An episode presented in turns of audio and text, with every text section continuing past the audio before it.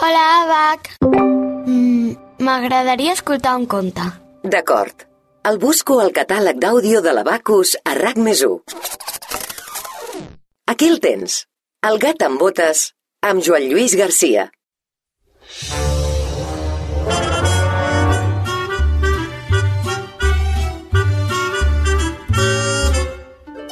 Hi havia una vegada un moliner que tenia tres fills. Sempre havia tingut claríssim com repartiria el seu patrimoni el dia que morís.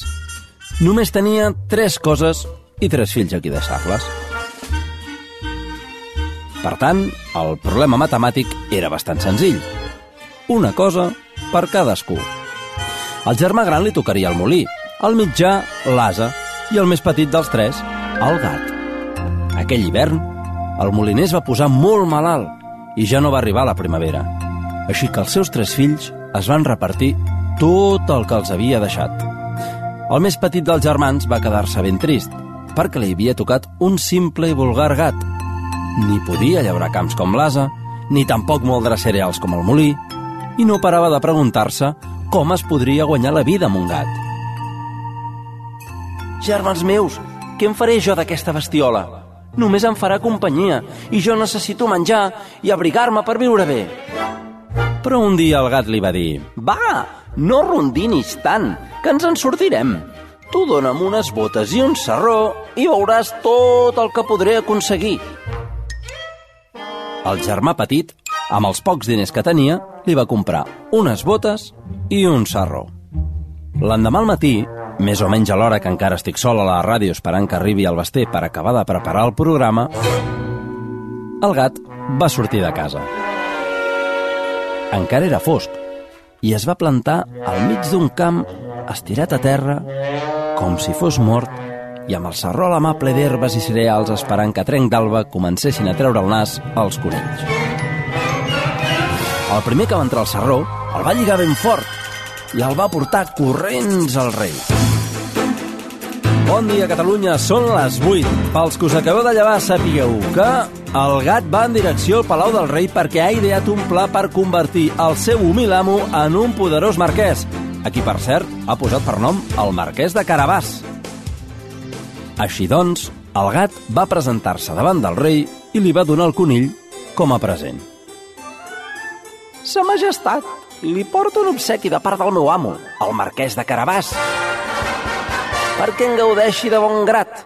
I el rei li va contestar... Digueu-li al teu amo que li dono les gràcies i que m'agrada molt. Veient el bon resultat, l'endemà el gat hi va tornar i va fer el mateix amb una perdiu. El matí següent, amb dues guatlles, i un dia més tard, amb un ànec. I així és com va anar guanyant la confiança del monarca. Un dia el gat va saber que el rei i la seva filla anirien a passejar al riu i va idear un altre pla. Va avisar el seu amo i li va dir Si voleu ser afortunat, feu cas dels meus consells. Avui, a l'hora que us digui, aneu a un punt concret del riu que us indicaré i us hi banyeu. Jo me n'encarregaré de la resta. I així va anar. L'amo s'estava banyant i quan el gat va veure que el rei i la seva filla s'hi acostaven, va amagar la roba del seu amo i es va posar a cridar amb totes les seves forces. Ajudeu-me! Ajudeu-me! El meu amo s'està ofegant! Al sentir aquells crits desconsolats, el rei va ordenar als seus soldats que traguessin aquell home de l'aigua i el portessin al seu carruatge. Com que no tenia roba, el rei li va oferir una bonica túnica majestuosa. Dins de la carrossa, el germà petit, l'amo del gat, el marquès de Carabàs, va conèixer la filla del rei. De fet, la princesa ja feia temps que sentia parlar de la generositat del marquès de Carabàs. Mentre conversaven, el carruatge anava avançant i estava a punt d'arribar a un dels camps més bonics de la zona.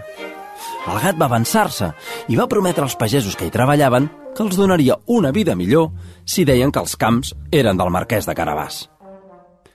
El rei va voler aturar-se per admirar els camps esplendorosos i va preguntar als pagesos de qui eren. Són del marquès de Carabàs. El marquès de Carabàs. El marquès de Carabàs. Una estona després, el carruatge, va arribar al castell d'un dels ogres més dolents de la zona, que de fet era l'amo dels esplendorosos camps. El gat també va avançar-se, i com que sabia que l'ogre tenia el poder de transformar-se en animals, una vegada més va idear un pla perfecte per desfer-se del malèfic personatge. Bon dia, senyor Ogre. M'han fet saber que vostè té un meravellós poder. És veritat que és capaç de convertir-se en un enorme i ferotge lleó?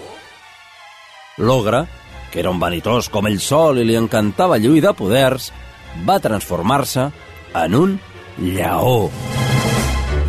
Mare meva, quina por! Que meravellós aquest poder que té! I perdoneu, també és veritat que sou capaços de convertir-vos en un ratolí? Segur que això no ho sabeu fer. L'ogre, tot orgullós, no va trigar ni 5 segons en convertir-se en un petit i blanquet ratolí i el gat va menjar-se'l d'una queixalada i el va fer desaparèixer. Just en aquell moment, el carruatge del rei va aturar-se a la porta del preciós castell i el gat va anar corrents a l'entrada perquè tenia una altra de les seves idees. En veure arribar el rei, el gat el va rebre tot dient-li Sa majestat, benvingut al castell del marquès de Carabàs. Per casualitat, l'ogre estava esperant uns convidats i tenia tot un banquet preparat. El gat va fer creure al rei que tot allò ho havien preparat per ell. Així que el rei, la princesa, el marquès i el gat van entaular-se per degustar aquell deliciós convit. Entre plat i plat, van anar conversant i l'amor va anar sorgint entre la princesa i el fill petit del moliner, que gràcies al gat es va convertir en el gendre del rei i en un dels homes més poderosos de la zona que va donar una bona feina i una gran casa als seus dos germans.